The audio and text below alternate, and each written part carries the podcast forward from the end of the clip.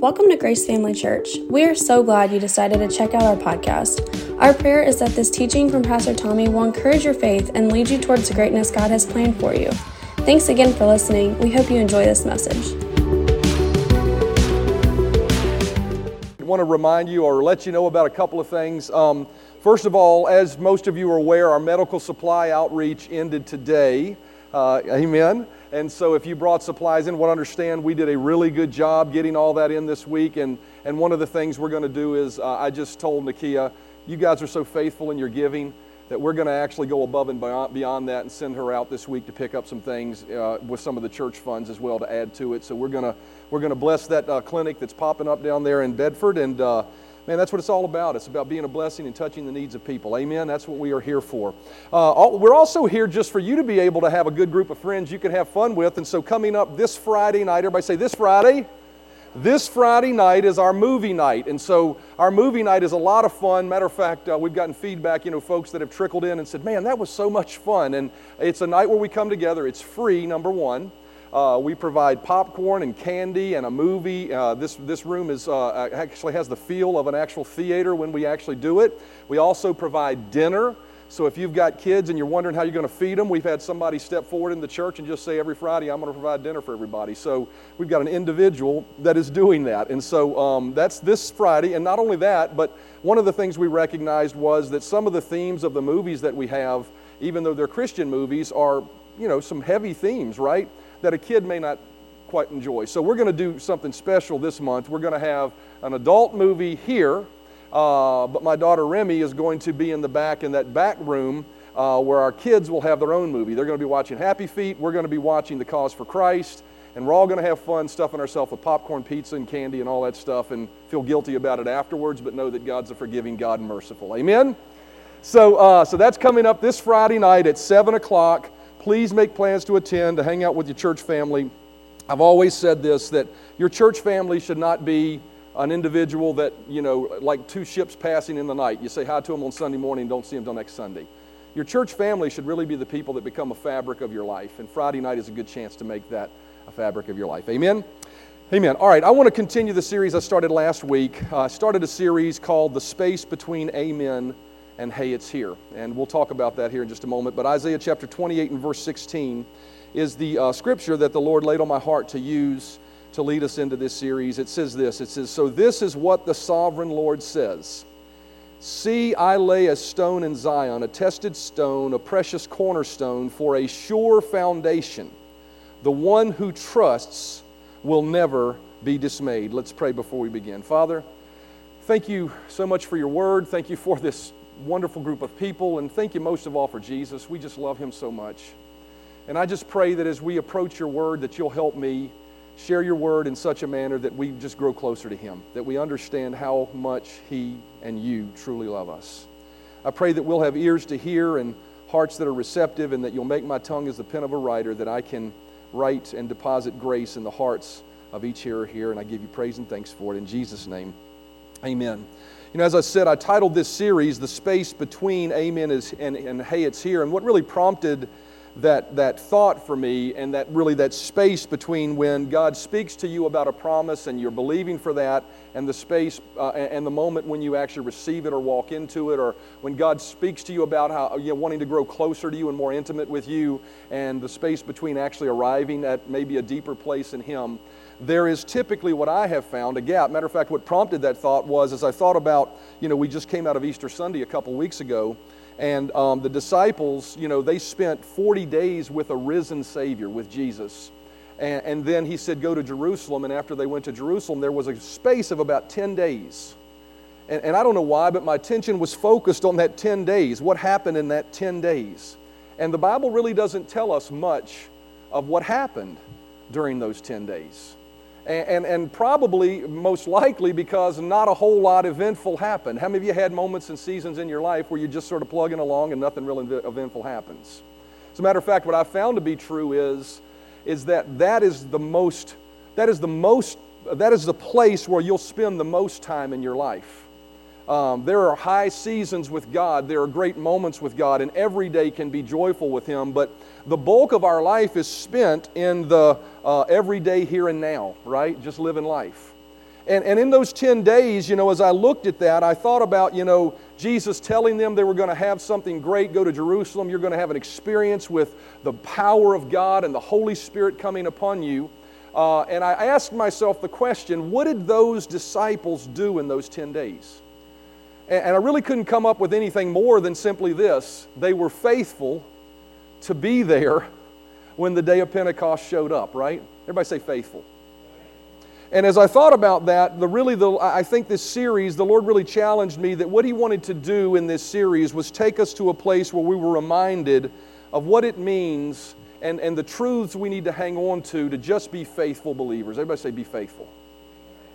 What does it mean to be faithful? Well, our opening text says this it says that, Behold, I lay in Zion, uh, see, I lay in Zion, a stone in Zion, a tested stone, a precious cornerstone, for a sure foundation. He said that there is a foundation, and when we have that foundation, it says we will not be dismayed. That word dismayed, I pointed out last week, means this it means to hastily run away or relinquish one's present commitment to something. One of the verses actually says that he that, uh, he that, um, that verse says, uh, He who trusts in that foundation will not make haste, is what one translation says. So, what that means is, is that when we've established the foundational principles of God's Word in our life, when we hit the ho hum days, right? The dirty here and now days, the days of just being faithful, but we don't have goosebumps, we don't have a feeling, we haven't arrived at what God has promised us yet. Maybe we're even frustrated because it hasn't shown up as quickly as we thought it should. Those days, when we are faithful to those days with establishing those foundational principles, it says we won't be dismayed, we won't quickly run away. You know, between the ascension and the day of Pentecost, I don't know how many people were on the mount of transfer, the mount where he was actually ascended, right? But I know there were 120 there when Pentecost showed up. Those 120 didn't make haste. They didn't run away. Why? Because they just practiced the faithful things that Jesus told them to do. And so, what are those things we're talking about really? We're talking about the foundational elements of belief. And as I thought about this this week, how could I better characterize this? You know, I, I remember uh, in the Old Covenant, you know, remember uh, in the Old Covenant when, when a man was about to pass, he would call his children to himself and he would speak to them. How many of you realize in those moments you'd probably tell them the most important things you wanted them to remember, right? And, and, I believe what the Lord really wants to do is to tell us today what are the most important things we, we should embrace. And so last week we pointed out one of those. We said that, that foundational truth number one is this, is that the, the Word of God is the basis for our entire Christian life. It is our truth source. Everybody say, God's Word is our truth source. Now, what that means is, as we said simply this we must allow uh, the Word of God to guide every decision, every action, every belief that we have. As a believer, we have to embrace the truth that the Word of God is an inspired Word that gives us the guidance for correction, reproof, for establishing, for growing, for becoming everything Christ wants us to be, and for entering into everything that He has for us. Amen. Psalm chapter 119 and verse 105 says, Your Word is a lamp to my feet and a light to my path. I have sworn and confirmed that I will keep your righteous judgments. The psalmist said this Your word will be the guide for my life. You know, if I was breathing my last breath, well, I don't expect to for many years, but if I was breathing my last breath, that would be the first and foremost thing I would tell you. Let the Word of God be your guide. Don't let experience, don't let failure, don't let disappointment guide what you believe, but let the Word of God be the true uh, thing that you hold on to in your life. Amen? Secondly, I want to talk to you about, and this is what I want to spend some time with talking about today, is this. Foundation number two that we must establish in our life is simply this that God is a good God. Everybody say, God is a good God. You know, that seems like a fundamental, everything I'm going to be sharing with you in this series seems like, oh, well, duh, right, right? But, but the truth we must establish in our life so that it is permeated in everything we do, everything we think, everything we read in Scripture should be this underlying truth that God is a good God. As a matter of fact, I titled the message today um, that, uh, that, that good, God is a good God should be your true north. Everybody say true north.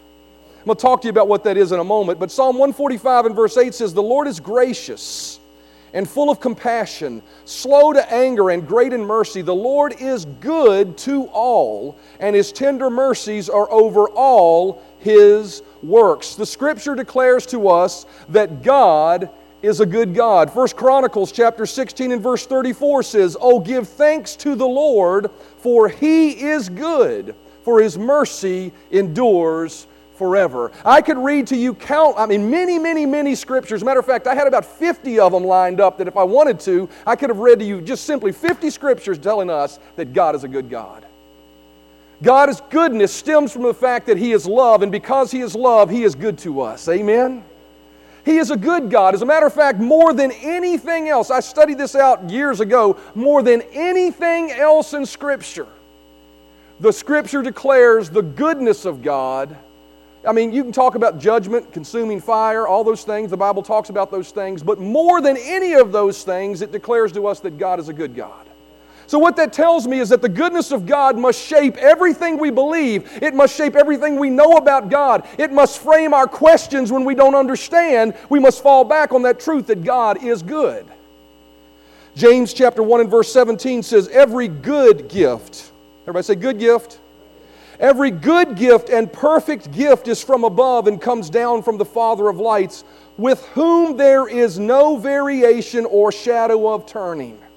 What a powerful verse of Scripture. This verse of Scripture tells us that, that, that everything in our life that is good, it comes from God. You realize this morning the fact that you were able to wake up, it is a product of the goodness of God. The fact that you have one possibly sitting next to you who cares about you is a product of the goodness of God. That you can breathe and move and, and, and operate today, it's a product of the goodness of God. And that if you're limited in that capacity, still that you can be limited in that capacity is still a product of the goodness of God. Not the fact that you're limited, but the fact that you still have some uh, activity in your life. See, every ounce, every speck, everything that is good in our life is a product of the hand of a good God.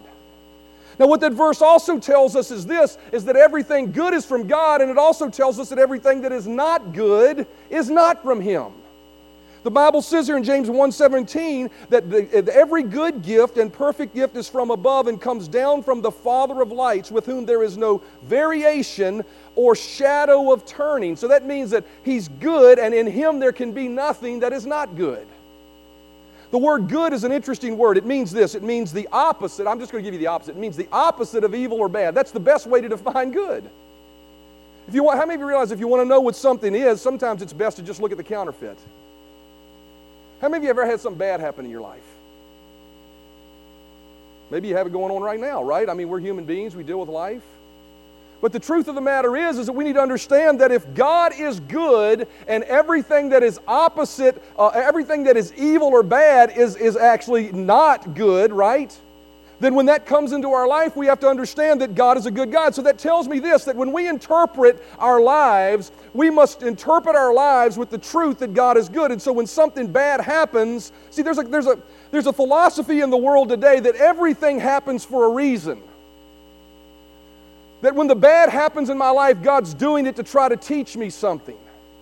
But the truth of the matter is, is that when bad happens in our life, God has nothing to do with it other than the fact that He's there to help us out of it. See, the Bible says clearly here that He is good. So, why did the bad happen? Well, it could be a number of reasons, right?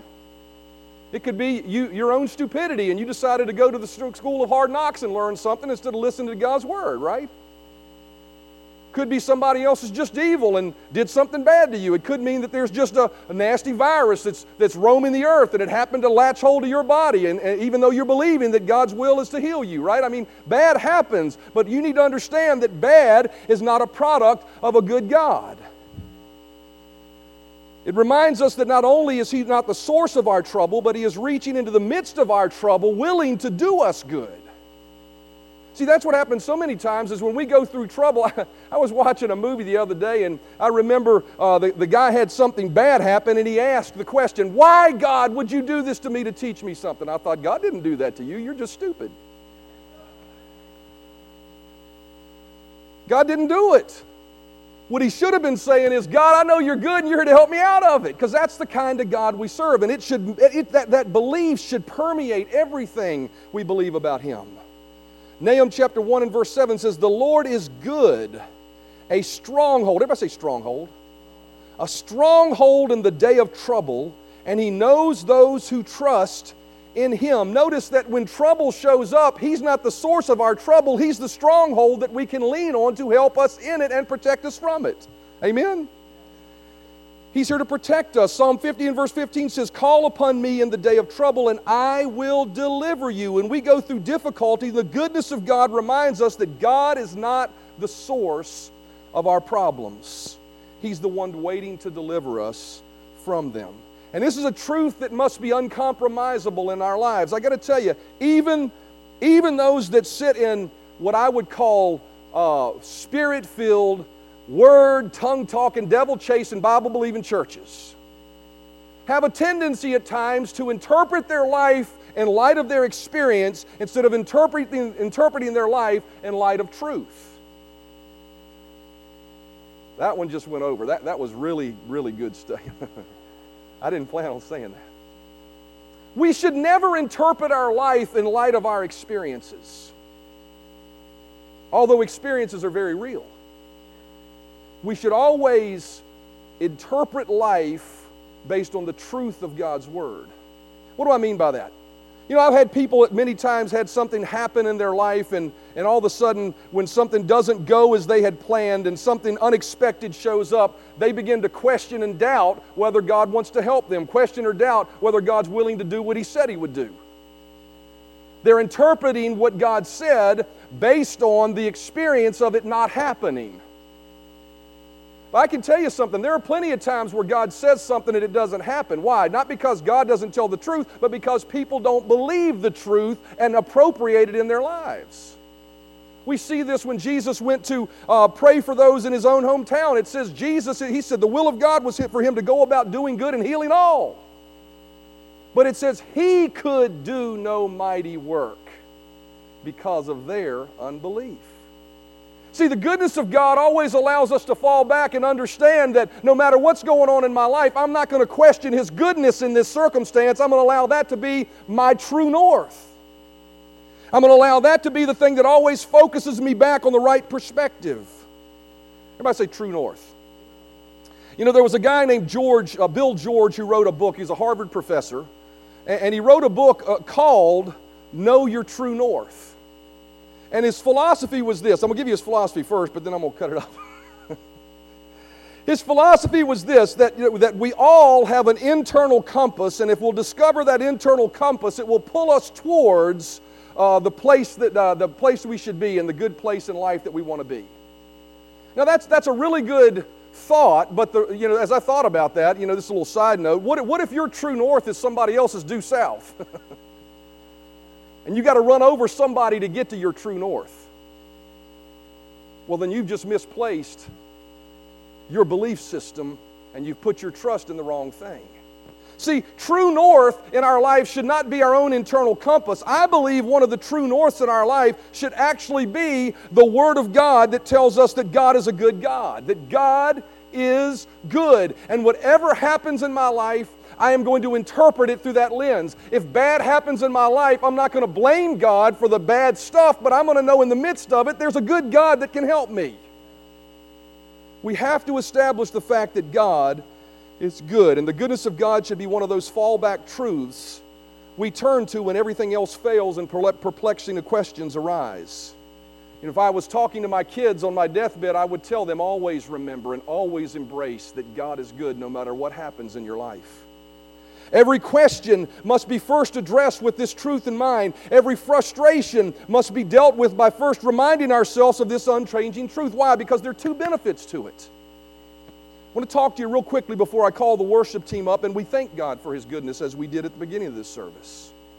There are two benefits of God being uh, his, his, the truth about Him being good, being your true north. Number one is this when you believe that God is good, it will calm your doubts about God and about your future when life beats upon you, and it will strengthen your resolve and commitment to God.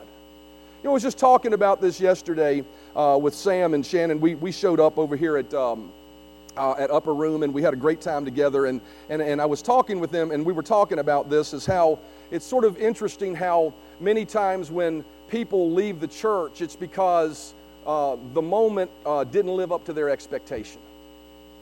right?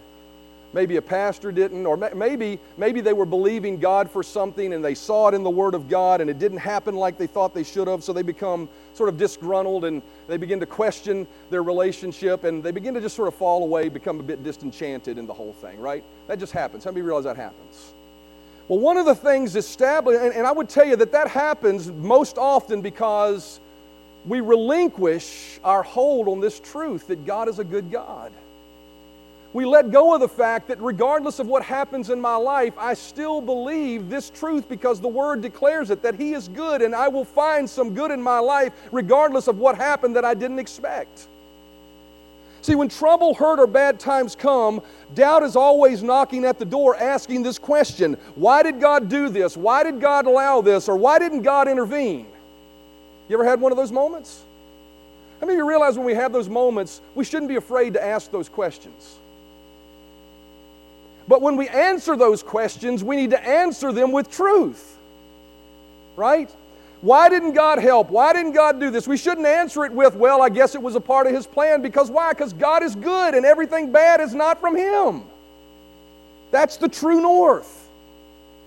Then our response should be many times simply this. How many of you, how many of you realize you don't know everything? Man, I know the longer I live, the more I realize I don't. And the more I live and the more I am disappointed at times by what I thought should have happened, I have learned to embrace this phrase in my life. You know what? I don't know what I don't know, but I do know what I do know. And I'm not going to give up on what I do know. And what I do know is that God is good. I know that He's good. See, these questions of why God and why didn't and all of those things, if you think about what's at the core of it, it really lays an axe to our confidence in His goodness. They're ultimately questions about His goodness, but establishing the goodness of God allows us to address those questions with, I may not understand, as I said, what I don't know, but this is what I do know. He's a good God, and my Bible tells me He's a good God. Therefore, I know He had nothing to do with this, number one. Also, I know He's in the midst of it to help me through it and protect me from it, number two. And number three, I know He's good enough to, to actually have a bright future plan for me, so my bright future is still ahead of me if I'll just trust in His goodness. Therefore, guess what? I don't need to relinquish my hold on Him. I need to tighten my grip and move towards Him. Amen? See, when you understand the goodness of God, it will cause you to run to Him in perplexing moments instead of from Him in difficult times. Psalm 27 and verse 13, David said, I would have lost heart unless I believed that I would see the goodness of the Lord in the land of the living. David said these words. He said, I would have lost heart if I didn't have this truth of the goodness of God in my life.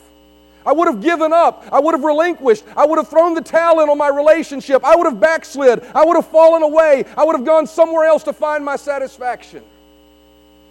But what David said was, as I understand that God is so good, and because of that, I did not lose heart.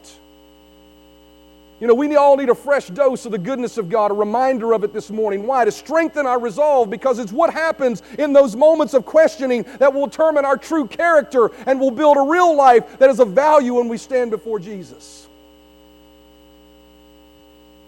Why else is the goodness of as the musicians come? I didn't have a lot to share this morning. I just felt like this was a morning we need to be reminded of a truth, a true north in our life, and that is the fact that is God is good. What's another way the, the goodness of God allows us to remain faithful in the space between amen and, amen and hey, it's here? What's another way the goodness of God allows us to just keep on walking? Establishing the goodness of God as our true north keeps us humble and grateful for the good that we do have. When the promises we don't have are slow in coming. Or possibly when what we're experiencing is not what we were believing for at all.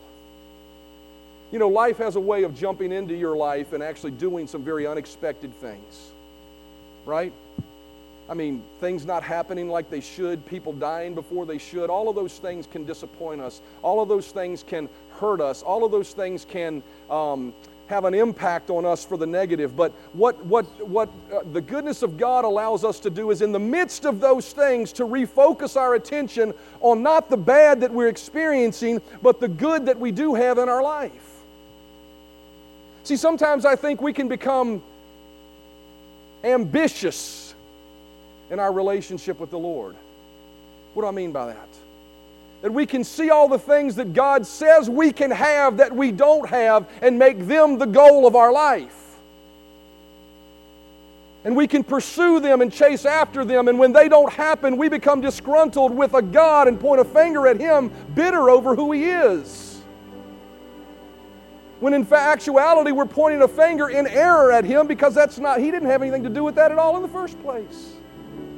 What the, a reminder of the goodness of God allows us to step back for a moment and assess and look around and say, wait, this may be bad, but I know He's good, so let me find His goodness in my life.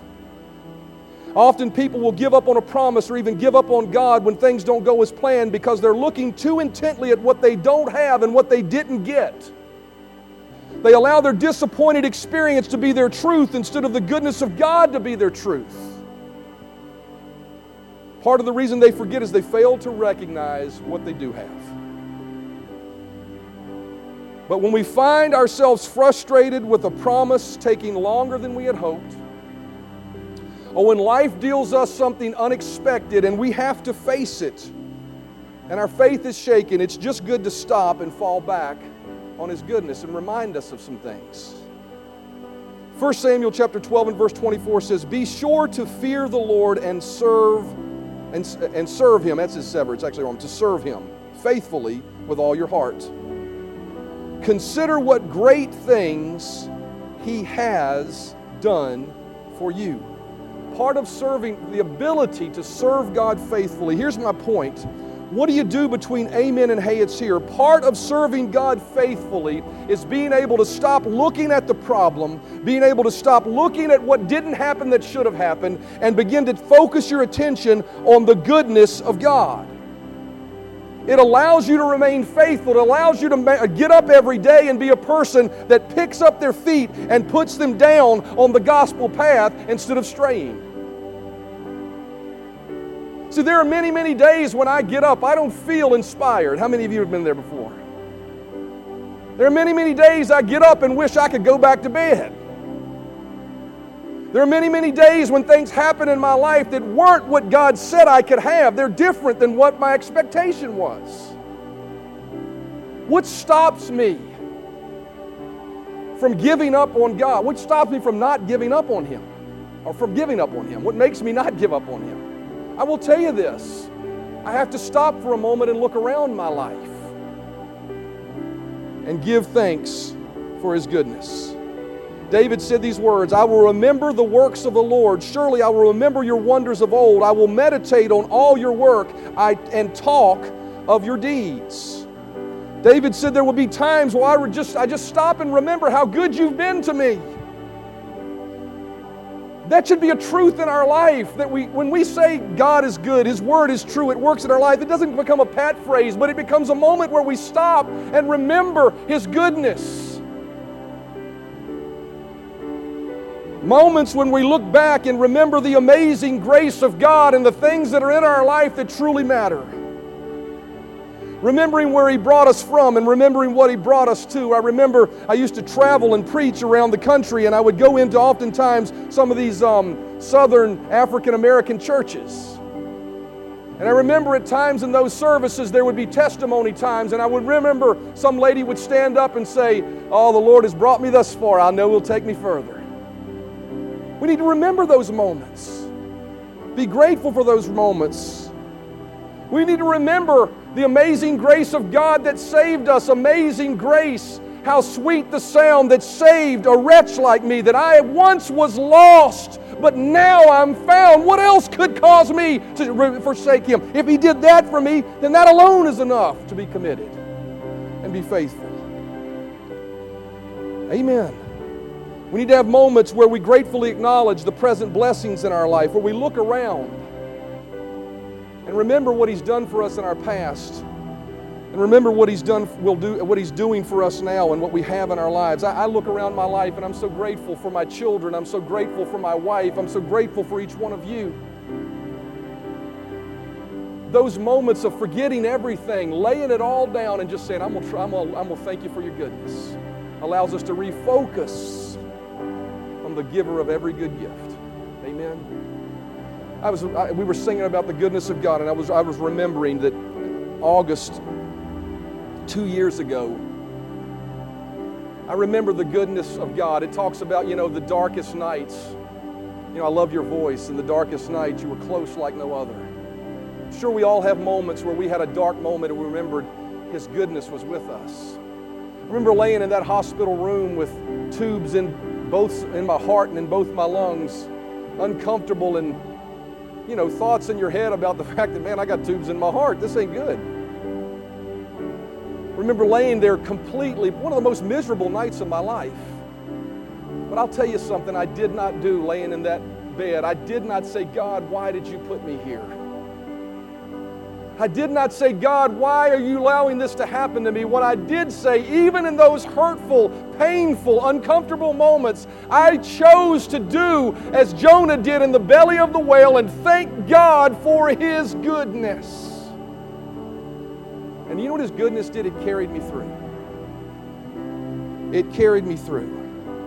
Psalm 103 and verse 1 through 5 says, Bless the Lord, O my soul and all that is within me, bless his holy name. Bless the Lord, O my soul, and forget not all his benefits, who forgives all your iniquities, who heals all your diseases, who redeems your life from destruction, who crowns you with loving kindness and tender mercies, who satisfies your mouth with good things so that your youth is renewed like the eagles. David encouraged us to bless the Lord's goodness at all times. It needs to be a true north for us.